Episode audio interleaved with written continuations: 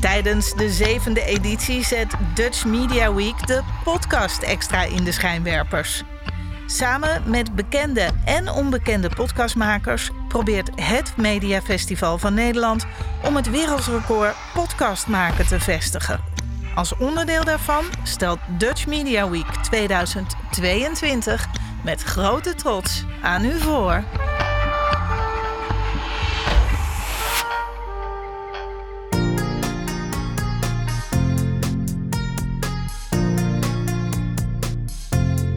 Dit is bij Jin in Beijing, de podcast waarin ik je meeneem in mijn nieuwe leven in China als expatvrouw. Ik ben Jeanette en ik heb mijn baan opgezegd om met mijn vriend mee te gaan naar Beijing.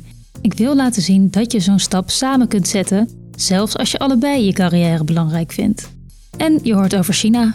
Want ja, hoe is het leven hier eigenlijk? In deze aflevering speciaal voor de Dutch Media Week spreek ik met iemand die net als ik expatvrouw in China was en nu dagelijks met Chinezen werkt. In de Achterklaprubriek een hele bijzondere gast die je vertelt over het sociale mediaplatform in China. Oké, ik doe even het Nou. introotje. Ja, Goedemorgen Nederland en welkom bij een speciale aflevering van Beijing en Beijing de podcast. Speciaal, want het is voor de podcast recordpoging van de Dutch Media Week, waar ik helemaal vanuit China aan mag bijdragen. In deze aflevering ga ik in gesprek met ex-expatvrouw Tjitske Dijkstra, die net als ik in Beijing woont.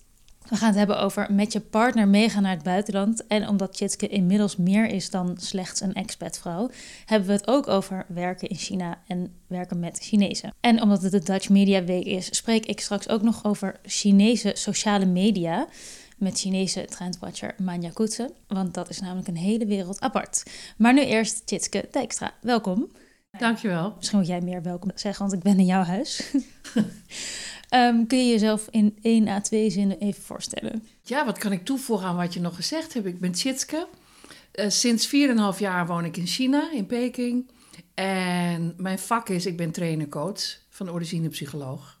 Dankjewel. Ik zei al, we zijn bij jou thuis. Je woont hier in de Hoetongs. Waarom heb je ervoor gekozen om hier te wonen? Omdat toen we hier naartoe gingen verhuizen, we heel erg hebben getwijfeld. Gaan we iets meer in een buitenwijk, waar je wat meer ruimte in je huis hebt. eh, of hier echt in downtown, in het originele. En toen dachten we, ja, die buitenwijkhuizen, die vind je overal op de wereld. Dat kan ook Zoetermeer zijn of elk ander land. En we wilden ook echt de, de China experience hebben. Nou, en die kregen we. Wel leuk, leuk om hier te zijn. Je woont heel leuk. Ja, en wat het zo leuk maakt hier ook in de Hoetong, is dat we wonen begane grond. Dus ik zag het ook niet gebeuren dat ik ergens op 22 hoog eh, zou gaan wonen, waar soms alleen de ramen maar op een kiertje open kunnen. Nee, terwijl vandaag is de lucht heel goed, dus dan wil je wel eigenlijk alles openzetten. Ja, ja, en ik ga misschien vanmiddag even op het dakterras zitten hier. Oh, heerlijk. Nou, maar nu even niet, want nu gaan wij het eh, hebben over eh, jouw voormalige expat-vrouwleven en jouw huidige werkende leven. Voor iedereen die nu bang is dat het over brunchen en shoppen gaat, wil, willen we even, tenminste wil ik graag wat mythes even ontkrachten over expatvrouwen. Ehm, en ik wil dus beginnen met jouw blog, Ben ik een expatvrouw? Die schreef je toen je hier nog niet zo lang was. Want jij, eh, je had nogal wat oordelen over expatvrouwen. Ja, Maar laten we eerst even definiëren, wat is een expatvrouw? dat is iemand die met zijn of haar partner meegaat naar het buitenland en waarvan de een werkt en de ander niet kan werken. En dat is in China vaak het geval, want het is heel moeilijk als buitenlander eh, om hier eh, betaald werk te kunnen vinden. Ja, je noemt het daar ook nog dat het wel als trailerpartner wordt genoemd. Ja. Maar daar, daar, daar sta jij niet zo achter. Nee, dat, dat protesteer vond ik echt zo, zo denigrerend. Ja, Dat vind ik echt heel naar. ja van, van het karretje wat, met de, wat achter Ja. de auto aangaat. Alsof je een soort last, hè, een bagagewagentje, eh, wat maar erachteraan slingert. Terwijl ik denk, dat is in ons geval, hè, klopt het ook niet. We hebben echt alle twee volmondig besloten, ja, we gaan naar China. En Ton had hier een, kreeg hier een baan en ik niet. Ja, Ja, daar wil ik zo nog even over hebben, hoe, Ja. dat, hoe dat precies ging. Eerst nog heel kort van wanneer tot wanneer was jij echt zo'n expatvrouw? Dus een, een partner zonder eigen baan. nou, even denken. Maart 2018 zijn we hier, of is Ton hier naartoe gegaan. Toen pendelde ik nog veel heen en weer tussen Nederland en China om mijn werk daar af te ronden. En zo'n beetje zomer 2020, tot die periode ben ik eh expatvrouw geweest. En had ik geen werk. En toen voltrok zich het oké. En wat nu? Hoe kwam het tot stand dat jullie samen naar China gingen? Tom kreeg een kans, toch? Ja, en we waren hier vanaf 2007 ook al met enige regelmaat op vakantie geweest. Dus daar, in dat opzicht kenden we het land een beetje. En er was ook wel een soort klein droompje zo van... hé, hey, hoe zou het zijn om in China een langere tijd te werken? En waarom dan China? Ja, omdat we dit land dan een beetje kennen. Hm. En we het ook fascinerend vonden altijd in hoe anders het is, weet je. Het is een, elke keer ook als we hier op reis waren en dan dachten we... oh, nou beginnen we een beetje te begrijpen hoe het zit. En dan gebeurde er weer iets. En dachten we, nou, we begrijpen er eigenlijk helemaal niks van. Vol verbazing uh, dat we hier dan, dan ons rondbewogen. Nou, dat maakt het land ook heel erg leuk. Ja, en toen kwam dit langs. Nou, en toen in, eigenlijk in een split second uh, dachten we, ja, dat gaan we doen. Jeetje. Ja. Hij kwam gewoon thuis na een dag werken en hij zei, schat, gaan we naar China? Nou, hij zei, hij zei ik ga met iemand praten, want er is een, een, een mogelijkheid voor een baan in China. Hoe zou je dat vinden? Ja, ik weet niet precies meer wat ik zei, maar ik weet wel dat ik eigenlijk weinig aarzeling heb gehad. Want wist je meteen dat dat voor jou zou betekenen dat je moest stoppen met werken? Ja, ja, dat wist ik wel. Ja. En hoe dat dan precies zou uitpakken, hè, wist, wisten we natuurlijk ook nog niet. Maar wel dat, dat, dat, dat Ton hier zou kunnen werken dan. En dat, en dat was bij een trainingsbureau, hè, hier, Schouten China. En dat we konden kijken van, zou ik daar op termijn ook iets in kunnen doen? Maar dat wisten we ook nog niet. En ik wist ook niet of ik dat nou zou willen. Hè? Dus het was ook het moment om het nog even alles open te houden voor me. Hm. En toen na dat eerste besluit van, oké, dat gaan we doen toen kwamen ook wel de gedachten en de twijfels. Want mijn vader werd al ziek en hè, mijn ouders zijn sowieso oud. Ja, hoe, hoe, hoe is dat dan, weet je?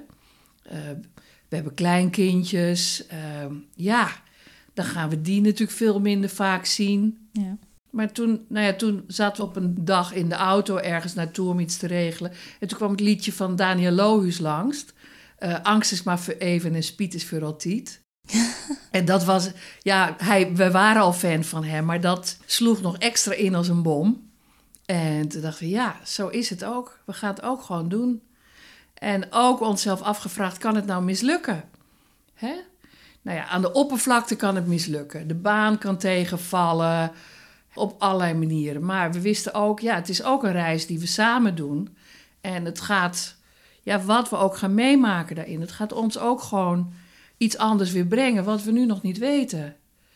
Zo proberen we er ook altijd naar te kijken. Dat lukt natuurlijk niet altijd, want nu met COVID is er ook heel veel anders geworden. Ja. want we dachten ook, nou ja, met tien uurtjes vliegen, dan zijn we weer terug, weet je wel. Het is een autoritje naar Zuid-Frankrijk. Ja. het is natuurlijk ook een copingmechanisme, hoe je ermee dealt. Ik denk, nou, en dat is nu allemaal anders geworden. Ja. maar dat was wel toen, uh, waardoor we er ook gewoon echt ingestapt zijn. Ja. Ja. nee, dat COVID maakt het nu wel een stuk lastiger, denk ik. Vooral met familie thuis. Voor, ja. voor heel veel mensen. Ja. Uh, maar jij, um, ja, wel, ja, jij kon wel goed, dus goed omgaan met die grote onzekerheid die het voor jou eigenlijk betekende. Nou ja, goed omgaan. Ik wist dat ik daarmee te dealen zou hebben. Ja. En ook Ton, die gunde me daar ook echt alle ruimte in. Want ik kon dan soms rusteloos ook zijn van wat, wat zal ik doen met mijn dag of met mijn leven. Hij zei, nou ja, van mij heb je alle tijd van de wereld. Nou, die permissie hielp natuurlijk ook weer om ook echt ja, te verkennen. Dat ik waar, als ik nou niet vastgezet op trainer per se of coach, ja, wat, wat vind ik nou fijn om te doen? Ja, want jij had eerst best wel een vooroordeel, of, of tenminste, ja, wat was jouw beeld eerst bij Expat Nou, dat was toch zo'n heel traditioneel beeld van uh, dames die een heel, op een bepaalde manier heel comfortabel leven hebben. En het daarin zich goed laten aanmeten. Um, met brunchen en goed gemanicuurde nagels. Um, in de taxi, overal naartoe. Ja, nou ja, het klinkt ook afschuwelijk als ik het nu hardop zeg. En een beetje gênant, maar dat dacht ik wel. En ik kende, in, ook in Nederland ken ik wel een paar vriendinnen die expertvrouw waren geworden. Die waren anders, maar ik dacht, ja, dat zijn prettige uitzonderingen. En waren dat uitzonderingen? Nee, dat waren eigenlijk vrouwen zoals ik. Er waren ook vrouwen die vaak in het land van oorsprong een goed betaalde baan hadden. eh, en het avontuur aangrepen om, om samen met een partner hier naartoe te gaan. Of het waren vrouwen die eigenlijk een soort beroepsexperts waren, zijn, die dat al soms 20, 30 jaar doen. En daarvan ben ik ook gaan zien hoe, hoe ontzettend ja, zwaar dat ook is. Hè? Om dat telkens maar te doen en dan weer naar een ander land en je daar weer eh, van alles eigen te maken. En eh, te zorgen, hè, daarin te zorgen dat ook de BV eigenlijk eh, draait. Nou, dat, dat, dus dat ben ik echt met andere ogen naar gaan kijken. Ja. Was er één bepaald moment dat jij opeens dacht... jeetje, het is wel echt heel anders dan ik, dan ik me had voorgesteld? Of heb je misschien een bepaalde expertvrouw voor? Kan je die voor de nou, geest ik zie wel een, een, hè, een, een klein netwerkje waar ik in zat... waar we dan elke maandag of dinsdag mee gingen koffie drinken. Daarvan zag ik, hè, want ik kon dan in het begin ook zo denken... ik hoor hier niet bij, maar dat dat niet waar was. Want ik hoorde er wel bij, weet je. Ik was eigenlijk net als hun. Hmm. Dat ik dacht, ja, het, het klopt echt niet. Hè? En een soort hooghartigheid die ik daarin had... eh, was gewoon niet terecht. Hè? Klopte gewoon niet. Want wat klopte er dan niet? Dat jij uiteindelijk toch gewoon een expatvrouw was? Of Ja. dat expatvrouw iets heel anders betekende dan jij van tevoren dacht? Beide. Eigenlijk wat ik me eh, realiseerde, en ook nu we het er nu over hebben... het was zo'n vastgezet plaatje. En dat plaatje klopt helemaal niet. Want er zijn allerlei... Ja, net als ben je een Nederlander? Wat is dat dan precies? Ehm, dus het zijn van die gefixeerde beelden... van ik dacht, dat, dat klopt gewoon helemaal niet. Want uiteindelijk zat je wel Ja, eh, koffie te drinken. En te ja, ik zat wel koffie te drinken en ik ging ook allemaal dingen doen om, eh, om de stad te leren kennen, om een netwerk op te bouwen, om ons leven hier op orde te krijgen. Hè, en daarin kon ik ook wel voelen, Ton die, bego- die ging gelijk aan het werk. Dus het was ook aan mij om heel veel dingen te regelen en uit te zoeken. En dat kost in het begin echt heel erg veel tijd. Ja. Ook allerlei kleine dingen. Hè? Ook in de, in de supermarkt boodschappen doen. En dan stond ik daar in die schappen te studeren op... Ja, is dit nou afwasmiddel of wasmiddel? Of is dit nou wasmiddel of wasverzachter? Ik kon het niet zien, dus dan kijken we met je vertaal-appje erbij. Hè? Dat is niet even zo... Zo, je fietst even door de Albert Heijn heen, eh, heel gericht. ja, dit is heel herkenbaar. Ik denk dat dat voor mensen die nog nooit in China geweest is moeilijk is om voor te stellen. Maar die opstartperiode is hier gewoon wel even... Dat kost wel even tijd en, Ja. en, en mentale kracht. Want Ja, ik las ook bij jou dat je dan bijvoorbeeld een simkaart wilde gaan kopen en, Ja. en huilend thuis kwam. ja Dat heb ik ook in de podcast natuurlijk verteld van dat ik wilde gaan lunchen op mijn eerste dag en dat het gewoon niet lukte. En dat ik ook dat ik thuis huilend maar een appel heb gegeten. Omdat gewoon alles in het begin is gewoon een, een soort ja, een grote uitdaging. Enorm. Ja. Ja, ook die simkaart inderdaad. Goh ja, want ik had ook... Ik dacht, hoe spreek je simkaart uit? Dus dat had ik geoefend ook. Ja. En toen zag ik een winkel met telecom, international, client service. Dus het suggereerde een internationaliteit in die winkel. Dat ik dacht, nou, hier moet het lukken. Hm. Nee. Nee. Toen kreeg ik een adres van een andere winkel. Ook niet. En dan het enige woord, hè, dat leer je hier al heel snel, is meo. Heb ik Hebben we niet. Kan niet hier. Nou, en toen, na de derde poging, toen moest ik inderdaad echt huilen. Ja. Ik voelde me echt zo onthecht en zo, Ja, en ook gewoon, zo vervreemd. Omdat ik het ook niet begreep. Waarom, waarom lukt het niet, hè? Ja, en dat zoiets simpels niet lukt. Ja, Ja. Klopt. Maar wat je ook vertelt in je blog, dat er wel altijd wel weer hulp is. ergens. Heel vaak willen mensen uiteindelijk ook wel weer jouw problemen helpen oplossen. Als duidelijk wordt dat je het echt allemaal niet weet, dan, dan zijn mensen wel heel behulpzaam. Klopt. Soms dan stond ik op een taxi te wachten en dat kan je dan gelukkig via een app doen. Maar als die taxi dan ergens op een ander punt komt en jou gaat bellen, ja, ik kon het niet beantwoorden. Dus soms hield ik gewoon een vreemdeling aan. Zo van, zeg tegen deze meneer waar ik ben, weet je wel. Nou, dan gaan ze je ook weer helpen. Ja. Ja, dat is dan heel fijn. Hè? Maar het is in alle dagelijkse dingen, eh, niks gaat vanzelf. Nee. Ja, nee, dat, eh, dat herken ik helemaal. Eh, nog even terug naar het, naar het expatvrouw en daar oordelen over hebben. Ik herken dus ook heel erg dat je dus echt niet die expatvrouw wil zijn die alleen maar gaat brunchen. En, Ja. en aangezien jij coach en psycholoog bent, eh, ben ik benieuwd hoe, of jij dat kan verklaren waarom ik en jij daar zo'n soort van aversie tegen hebben en dat heel erg niet willen zijn. Hoe zit dat? Kan je dat uitleggen. Nou, Kun je me even psychologisch analyseren? nou moet Je krijgt nu niet betaald, Dan moet maar... ik iets eh, heel intelligent zeggen. Nou, kijk, wat het. Dat, dat weet ik niet of dat voor iedereen geldt. Maar wat ik me ook realiseerde toen wij vertrokken naar, hè, vanuit Nederland naar China. En ik mijn baan op ging zeggen of dat ging beëindigen. Hoe dat ook verweven is met mijn identiteit. Hè, ik werk niet alleen als coach, ik ben het ook, weet Ja. je. Dat, dus het geeft ook heel veel invulling, heel veel betekenis. En om, om dan die jas af te leggen... Hè, en daar was ik ook benieuwd naar. Ik denk, hoe zou dat nou zijn? Wie ben ik nou als ik geen werk heb? En dat vond ik ook confronterend, want dan kwam ik soms op netwerkbijeenkomsten of recepties. En dan was ik daar samen met Ton. En dan vroegen ze wat ik deed. En dan zei ik, nou, niks. Nou, en dan was het gesprek gelijk afgelopen. Ja. En dan gingen ze met Ton, hup, vervolgens verder babbelen. Nou, ik vond het ook zo confronterend. Hè? Ik Denk, oh, alsof, ik, alsof je dan dus helemaal niet bestaat, weet je wel. Ja.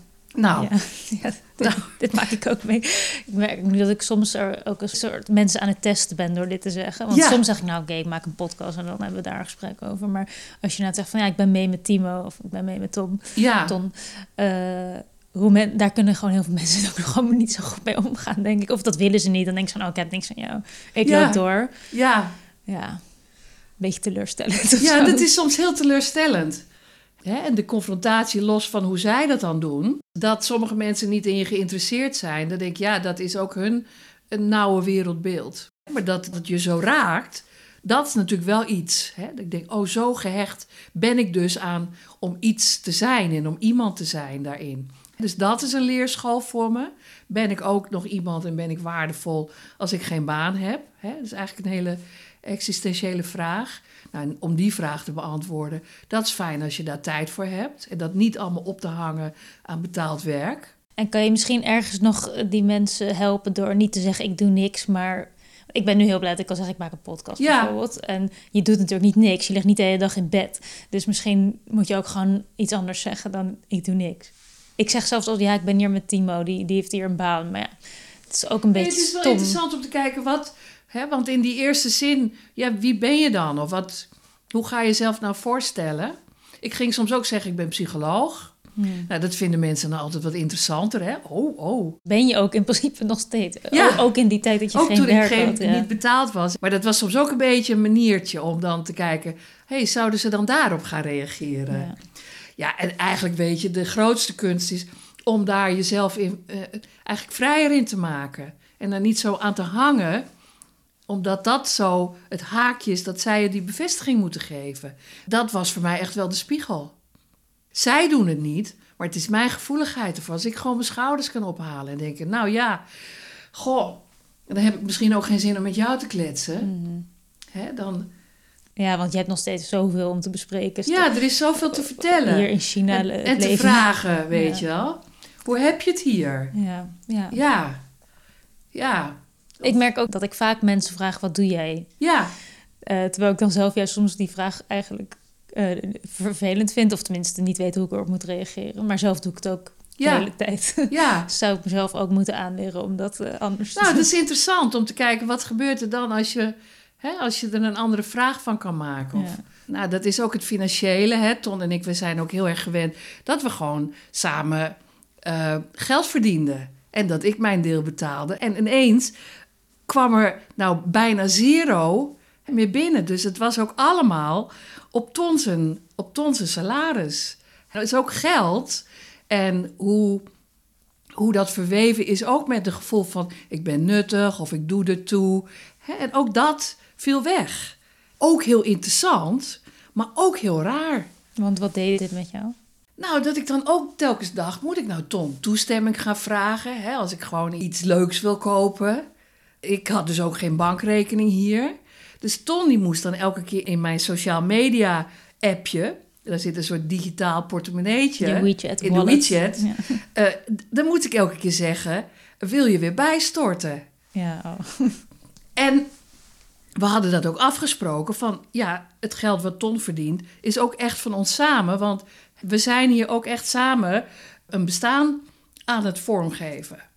Dus dat kan ik mentaal wel snappen, maar emotioneel ja. eh, had dat wel wat meer voeten nog in de aarde. Of dat ik dan ineens heel zuinig ging doen, weet je wel. Of dat ik dacht, zal ik het anders stiekem kopen, weet je?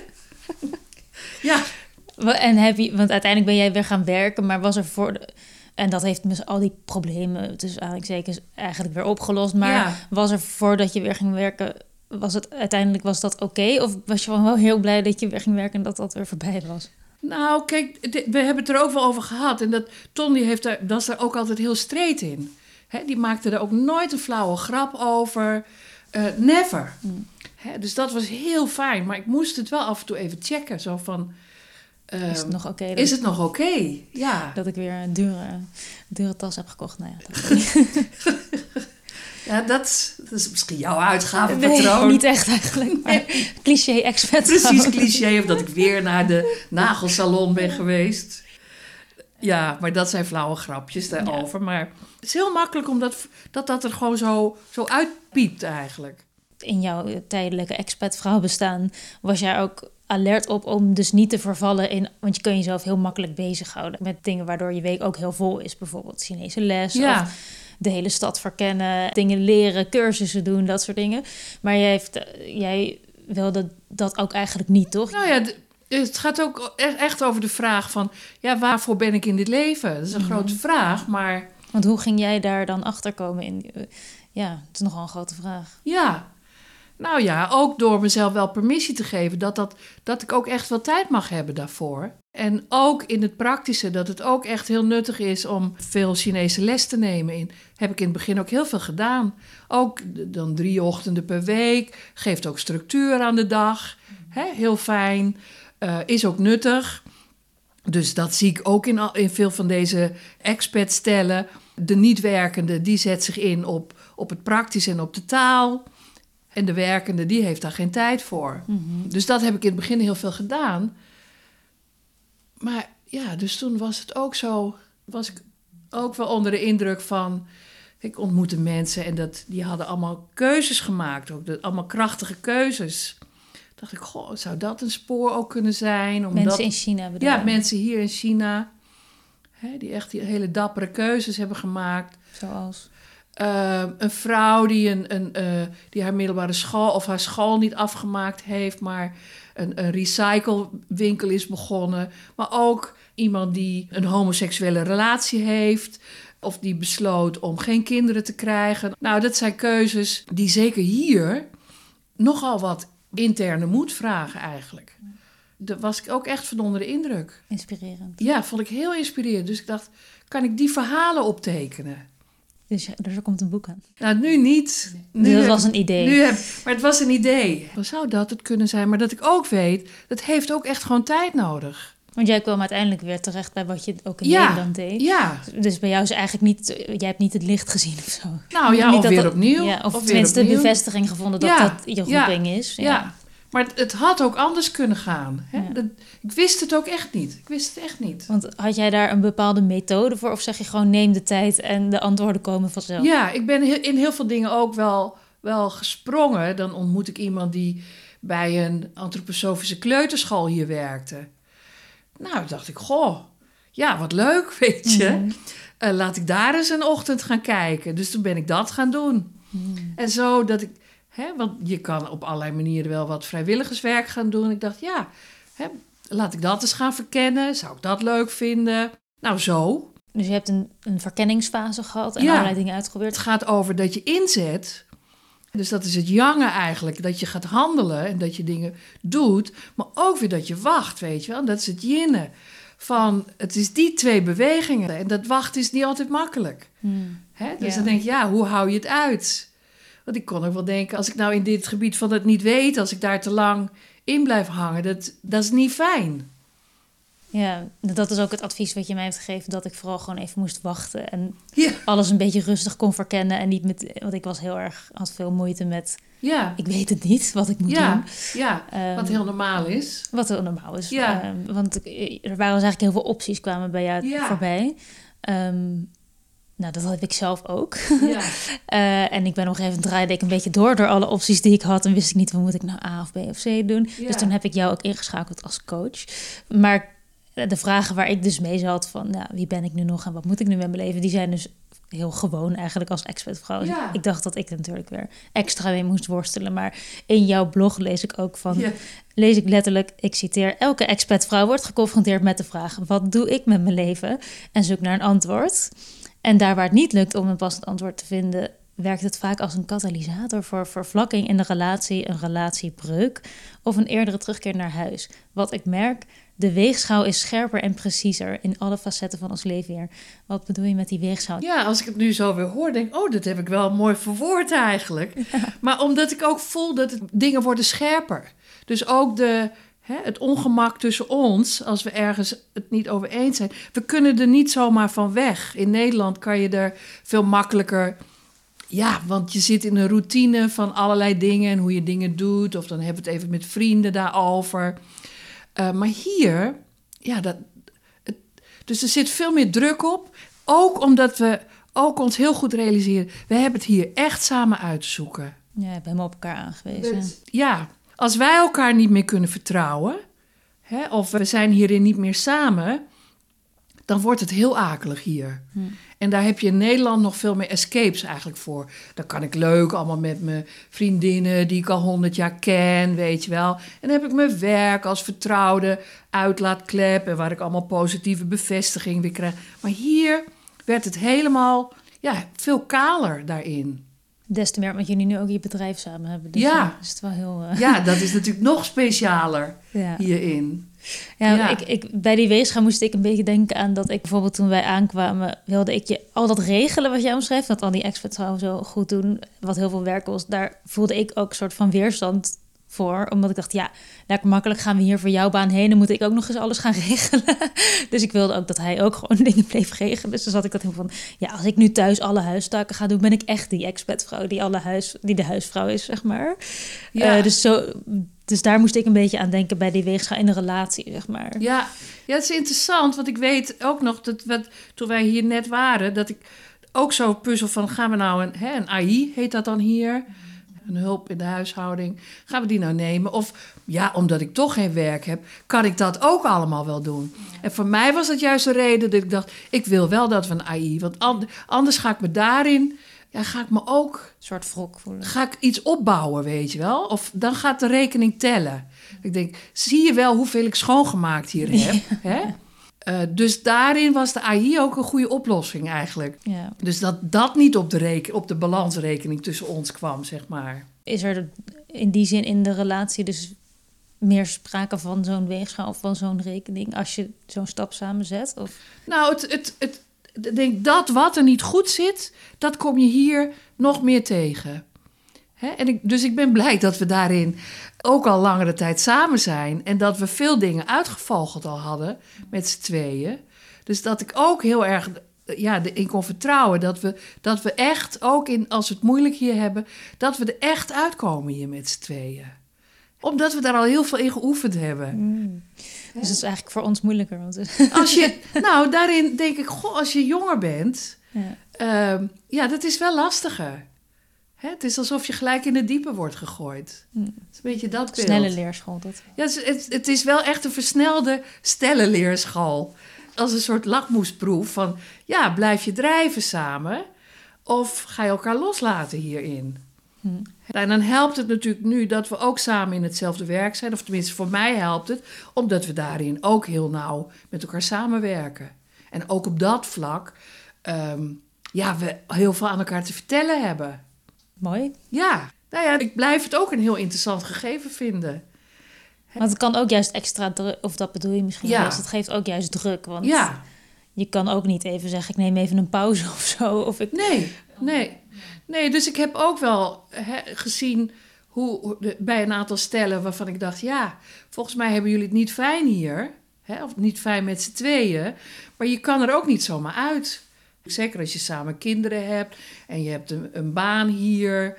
Ehm, ja, het, het heeft nogal rigoureuze gevolgen. Dus hoe, hoe ben je daar dan in samen? ja. Dat vond ik af en toe wel pittig om te zien. Bij andere mensen. Ja. Hm. ja. En was je heel blij dat het... eh, Nou ja. ja. Ja, ik wil daar niet te tevreden over klinken. nou, Maar het is, het is wel. ehm, ja, wat zou ik erover zeggen? Ja, het is wel telkens hoe ik voelde, ook hierin, hoe we echt samen partners zijn.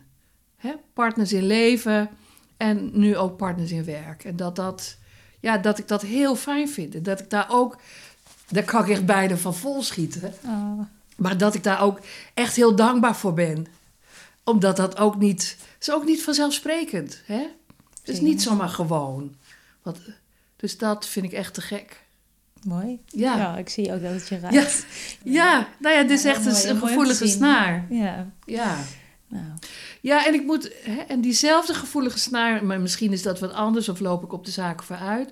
Toen ik voor de eerste keer hier via mijn netwerk een, ehm, een intake ging doen voor coaching, daar moet ik nu aan denken. Toen had ik ook achteraf dat ik echt bijna moest huilen. Dat ik dacht, hiervoor ben ik, hè, je zou kunnen zeggen, hiervoor ben ik gebakken, weet je wel. Vond ik zo fijn om dat weer te doen. je had het wel gemist.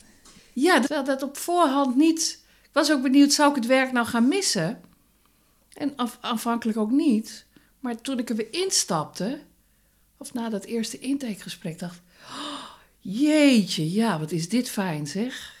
Ook wel heel fijn om die bevestiging Ja, te krijgen. Want kan, sommige mensen als die tij- stoppen met werken denken... oh, eindelijk iets anders. Maar jij miste eigenlijk gewoon wat je altijd al deed. ja dat werd, dus het is ook weer een soort hernieuwde, hè, her- je zou kunnen zeggen, een hernieuwde kennismaking.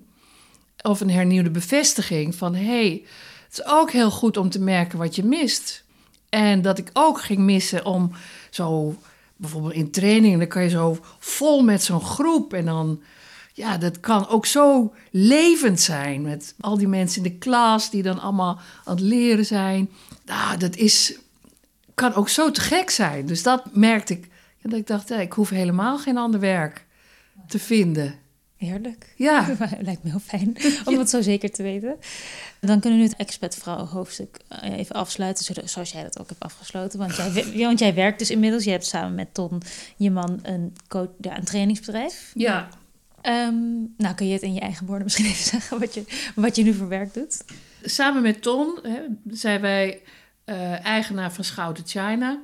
En wij doen eh, voor business to business doen we softskill trainingen. En we hebben een B2C poot. En daarin doen we trainde trainers. We hebben een coachingsprogramma.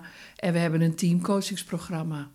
En dat wat. eh, doen we niet allemaal zelf. Maar we hebben een groot netwerk van mensen die dat allemaal mee vormgeven. Jullie geven leiding aan, Eh, ongeveer 16 mensen. en dat zijn vooral Chinezen. Het zijn allemaal Chinezen. Het zijn allemaal Chinezen. Ja, dus Ton en ik zijn de enige buitenlanders. Hoe gaat dat? Ja, goed. En dat zeggen we ook als ze bij ons komen werken. Van, ja, we zijn geen traditioneel Chinees bedrijf. Want wat, hoe zijn jullie verschillend dan een traditioneel Chinees bedrijf? Eh, dat wij niet de bazen zijn die alles bepalen.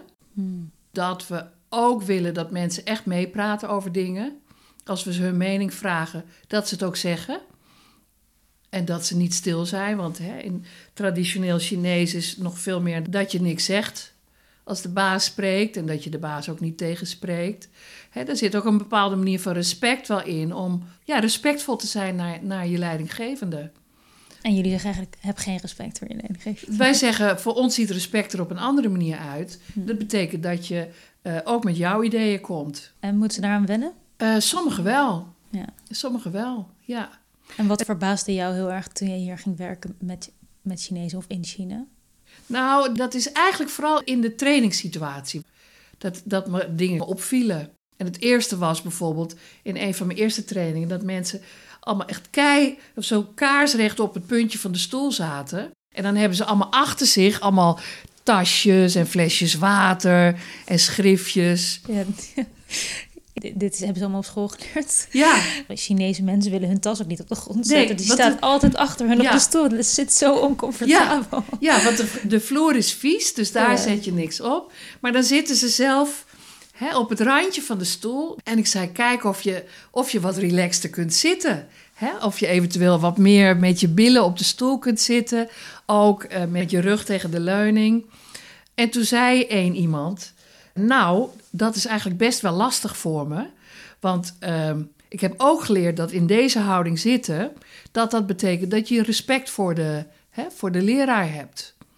En als ik op een andere manier wat meer relaxed ga zitten, is dat eigenlijk heel respectloos. Nou, dat vond ik ook heel interessant. Ik denk, zo zit dat dus in je lichaam verankerd, weet je. Hmm. Dat is echt uh, hè, lichaams, uh, ja, body memory zou je kunnen zeggen. Ja, toen heb ik echt heb ik mensen wel gevraagd van kijk eens in elk geval hoeveel ruimte er is. Of je iets relaxter kunt zitten. Dat die ruggengraat niet als een snaar zit. Want als je zo gespannen op die stoel zit, dan is de aandacht ook heel erg op, op, naar de buitenwereld gericht. En ik wil juist dat je wat meer naar binnen gaat. Nou, dus dat. En dan gingen ze ook proberen. Dus dat is ook heel fijn. En toen was aan het eind van de training iemand die zei: Nou, ik heb heel veel geleerd. En ik heb dat nog nooit zo ontspannen kunnen doen. Wow. Nou, dat vond ik echt te gek. Maar het was ook echt een confrontatie met... Uh, jeetje, wat een andere geschiedenis hebben mensen. Hoe ze geprimed zijn eigenlijk in leren. Dus het is ook echt zoeken van... Hè, ik geef op een hele, eigenlijk op een hele westerse manier... geef ik trainingen. En mensen die bij ons komen, die vinden dat ook hartstikke leuk om te leren. Die zijn er echt nieuwsgierig ook naar. Maar ze komen ook echt ergens anders vandaan. Dus het is ook telkens kijken, ja, wat kunnen ze daarvan van opnemen? Slaat het ook wel eens niet dat iemand denkt van, nou, de, doe mij maar gewoon de Chinese Nou, er was laatst iemand in de groep, maar dat was wel, want hè, wij, ik, ja, het gaat ook heel erg over dat we telkens heel erg ervaringsgericht met allerlei oefeningen, um, zonder tafels, interactie. En dat ik dan via iemand anders hoorde, die zei, ja, een van de deelnemers die had wel een beetje geklaagd. Want ze kon nooit even lekker rustig, gewoon even zitten, even uitgaan, zeg maar. En dan ondertussen nog even een beetje op de telefoon, wat laatste berichtjes bijwerken. Omdat er op een andere manier, ja, ik vraag dat mensen met, hè, met volle aandacht aanwezig zijn. Dus over die klacht was je eigenlijk alleen maar tevreden. Ja, dus dat vond ik, dan dacht ik niet, nou moet ik van alles gaan aanpassen. Uh, maar het is wel een hele andere manier van leren. Hè? En wat Chinezen heel erg geleerd, of Chinezen of Chinese mensen heel erg geleerd hebben, is dat, hè, dat automatiseren van dingen. Dus eindeloos repeteren, herhalen wat de leraar zegt, geen vragen stellen. Want als je een vraag stelt, betekent dat je waarschijnlijk niet opgelet hebt. Of daar kan iets hè, dat je dan de leraar in, in discrediet gaat, uh, gaat brengen. Dus dat is echt zo, zo'n priming, zo noem ik dat maar. Nou, en dat is heel anders bij ons. We moeten dus relaxter zitten, maar wel meer opletten. Ja, ja. We actiever zijn en minder Ja. actief zitten. Ja, dus ze moeten hè, inderdaad opener zijn. En ik vraag de hele tijd allerlei dingen aan hun. En te proberen en fouten te maken. En ik, ik koppel het heel erg aan hun eigen intrinsieke motivatie om te leren. Mm. Hè, terwijl traditioneel de Chinese scholen, dat is allemaal heel erg op, op examen halen gericht. Ja. Eh, kennis verwerven, automatiseren. Eigenlijk heel erg op extrinsieke motivatie. Nou, dat zijn nogal twee verschillende werelden. Ja. En je zegt, eh, ik geef dus heel erg op mijn westerse manier trainingen. Ja, Eh, je geeft trainingen zowel aan ja, buitenlanders of westerse mensen hier, ook, ook zelfs groepen Nederlanders volgens mij, maar ook aan groepen met Chinezen. ja. Pas jij je training aan aan de een of andere groep of blijf je gewoon, doe je het gewoon hetzelfde? Nee, kijk, het, het, het grootste deel van de mensen die ik hier in mijn training heb, dat zijn eigenlijk Chinese mensen. Oké. En heel soms zitten er een paar Westelingen tussen. Heel soms doen we eens iets voor een ambassade. Maar het gros is Chinees. En of ik mijn trainingsstijl dan aanpas, in de basis niet. In de basis echt niet. Hè? Maar ik. En dat, dat is wat ik natuurlijk in Nederland ook gewend was. Dat je ook telkens kijkt, waar zijn ze? En zijn we nog bij elkaar, de groep en ik, weet je wel? Want als ik, als ik de kloof te groot maak, dan raak ik ze kwijt. Hm. Hè, en daar, daar help ik ze niet mee. Dus ik was ook vorige week heb ik twee dagen training gegeven aan leiding, nieuwe leidinggevenden bij een, een groot internationaal bedrijf. Maar het was voor deze mensen voor het eerst dat ze op deze manier trainingen kregen. Dus ze kwamen al binnen in de klas en toen zagen ze al van, oh, alleen maar stoelen in een U-vorm. Ehm, ja, en sommigen hebben dan eerst nog de laptop bij, bij zich om heel veel aantekeningen te maken. Ze zeiden, gaan we, niet- hè, hoeft niet, gaan we niet doen. Mm. Maar ik ben telkens aan het kijken van, wat kunnen ze hebben hierin? Mm. En sommige dingen vraag ik niet in de grote groep. Dat is te onveilig. Hè? Zoals, Om heel veel, heel veel persoonlijke dingen te delen. Wat in Nederland normaler is. Ja, wat in Nederland veel normaler is. Of dat dan iemand ook moet huilen. Wat in de wereld waar ik in Nederland in vandaan kwam, ook in groepen veel normaler was. En ik weet dat is hier veel sneller schaamtevol. Dus daar probeer ik ook mensen ja, tegen te beschermen. Dat dat niet gaat gebeuren. Nee, dat ga ik hier niet vragen van mensen. Hm. Maar laatst was er ook weer een deelnemer. En die zei, ja, ja, ja. Dat was op dag twee. Ik zeg, goh, heb je nog een beetje een fijne avond gehad? Een beetje gerelaxed misschien? Nee, want dan een aantal die zitten dan s'avonds ook keihard te werken. Of een aantal die zitten dan echt hun eigen summary nog van de dag te maken. Heel hard gewerkt daarin dan. Nou, dat ken ik van Nederlanders. Nee, die gaan dan borrelen. Ja, ja, we denken, nou poepoe, nou, eh, of die gaan werken, of die gaan even relaxen. En wat Ja. mis je het meest aan in Nederland werken? Oh, dat is. Ja. Kijk, in het werken in Nederlandse groepen kan ik mensen makkelijker lezen. Hm. Dus dat kan ik soms missen. Werken hier ook heel veel, dan is er een tolk bij. Hm, Nou, dus dat is ook. Hè, Moeilijker connectie. dat is echt moeilijker. Dat is echt heel intensief. Mijn meeste trainingen geef ik in het Engels. Nou, daar, je kan zeggen, daar kom ik mee weg.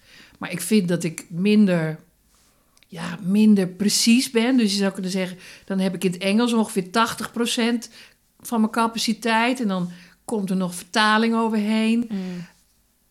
En dan, hè, dat is met wat vertraging. Dus dat is minder precies en het hele directe. En heel snel schakelen Ja. misschien op wat er gebeurt. Ja, dus dat kan ik soms missen. En er zit soms ook iets bij dat ik denk... ik snap soms hier echt niet wat mensen zeggen. Hm. Dan ken ik de woorden wel. Maar dan denk ik, hè? Ja, Wat is nou eigenlijk je boodschap? En wat doe je dan? Ja, soms gewoon nog weer een keer vragen. Later vroegen mensen van... vond je dat niet spannend? Allemaal projecties van hun allemaal kwamen naar mij toe. Van, ja, want ik, ik stelde drie keer een vraag... omdat ik het echt niet begreep. Daar moet je zelf ook oké mee zijn natuurlijk. Ja, en de- ik denk, ja, dat, dat kan soms. En zij hadden allemaal het idee van, oh, dat, dat is waarschijnlijk heel akelig, want dan stelt iemand een vraag en dan weet je het niet. Hm. Maar van mij mag het. Ja, ik vind het eigenlijk heel normaal. Ja. Ja. En het andere is in de vraag hè, van, van ehm, of in, in dat punt van soms is het moeilijk mensen te begrijpen. De andere kant waar ik heel erg van onder de indruk ben hier, ehm, is als we dingen oefenen met rollen spelen, ook in de training voor trainers. Ik vind dat ze super, super sensitief zijn. Ehm, ook als een rol spelen als tegenspeler. ehm, dat ze heel precies zijn in wat ze daarin voor feedback kunnen geven.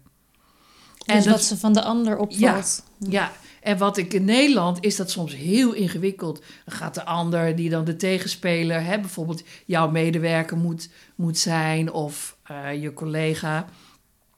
Dan moet ik in Nederland, was vaak, dan moest ik mensen echt een beetje regisseren van je moet niet, eh, je moet het niet vastzetten of je moet niet te bot gaan doen. Je moet reageren op in het moment. Hm. En dat, ik vind dat hier, ik hoef ze nooit te zeggen, nou, nou maak je er echt een toneelstukje van. Het is spot on, onmiddellijk. In Nederland meer met zichzelf bezig eigenlijk. Ja, en dan gaan ze er een soort showtje. showtje van maken, weet je. En hebben ze zin om het de ander moeilijk te maken. Altijd veel meer gedoe en dat vind ik hier vind ik echt leuk. Eh, heel precies. En denk, oh ja, dat is natuurlijk ook de sensitiviteit die hier veel meer in de cultuur zit, omdat heel veel dingen ook via de context eh, duidelijk gemaakt kunnen worden. Dus dat hoeft allemaal niet zo rechtstreeks. Mm. Je pakt hem toch wel.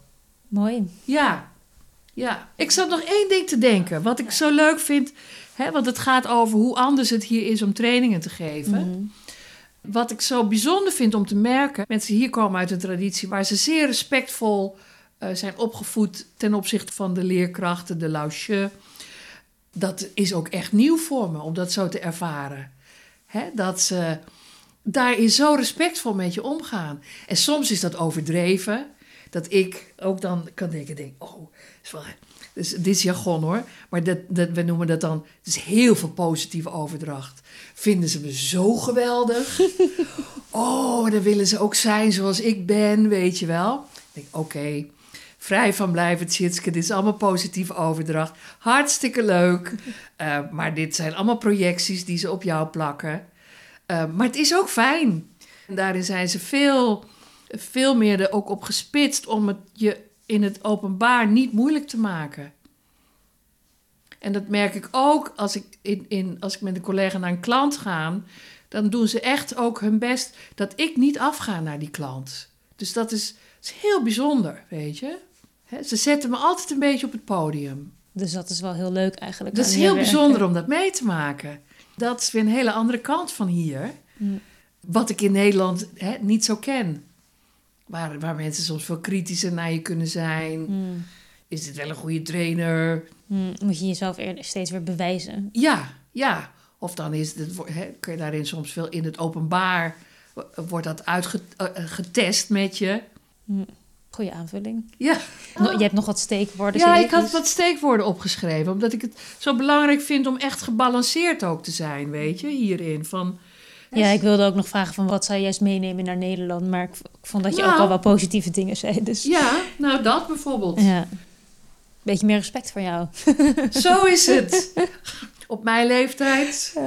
Dan heb ik nu echt nog wat te laten vragen over het zijn van expat in China. Misschien als eerste even een simpele vraag.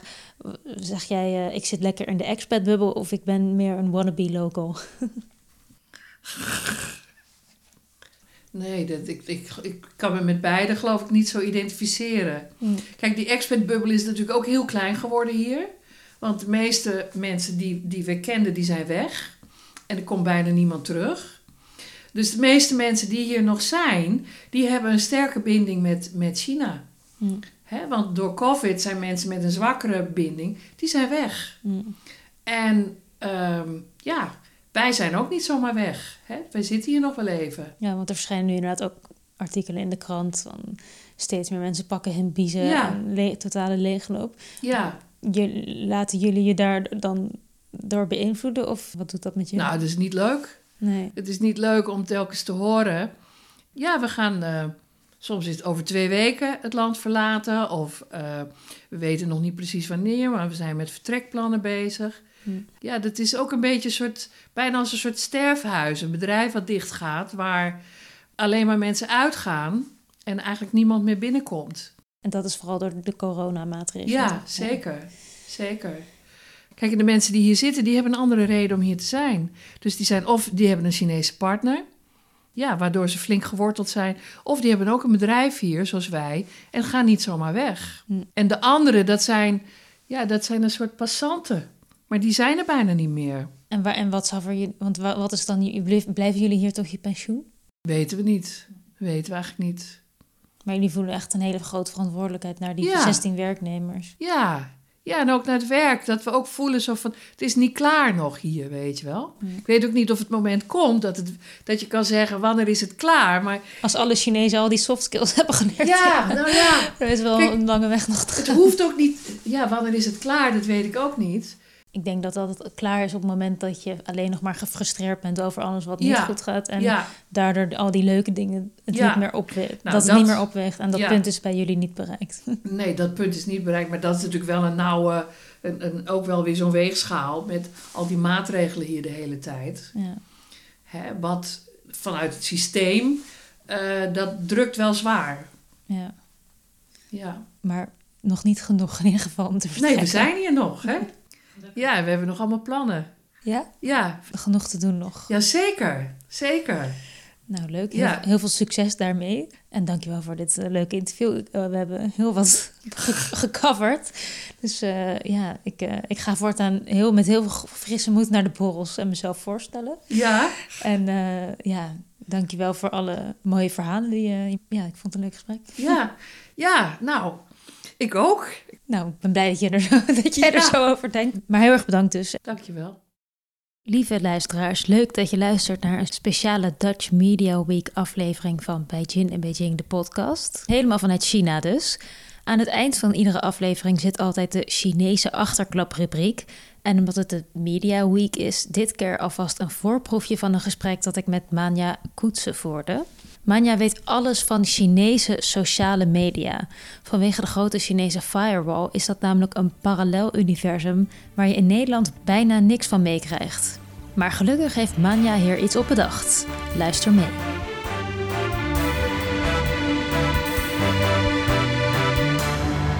Anja Koetsen. Je bent China-kenner, je volgt alle sociale en culturele trends al meer dan een decennium. Ook in China gewoond. Inmiddels zit je overal aan tafel bij Talkshow M, bij Radio 1, bij de BBC. Maar begon allemaal met jouw website What's on Weibo. Begon misschien klein, maar inmiddels kijkt de hele wereld op jouw website What's on Weibo om te kijken wat er allemaal op Weibo gebeurt.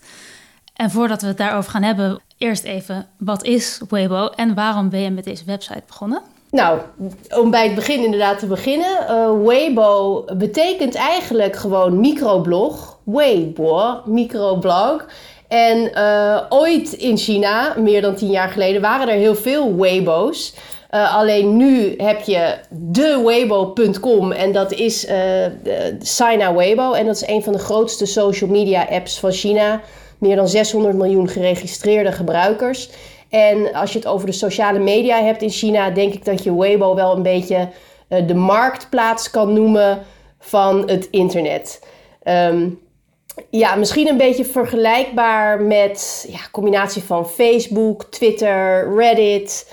Uh, maar eigenlijk hebben wij niet precies eenzelfde soort app in uh, Nederland of in het Westen.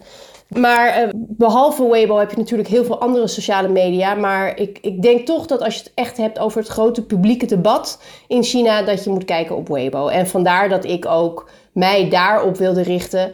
Hoewel mijn website heet What's on Weibo. Maar ik kijk ook wel naar andere sociale media hoor. Maar daar ligt vooral mijn focus. Ja.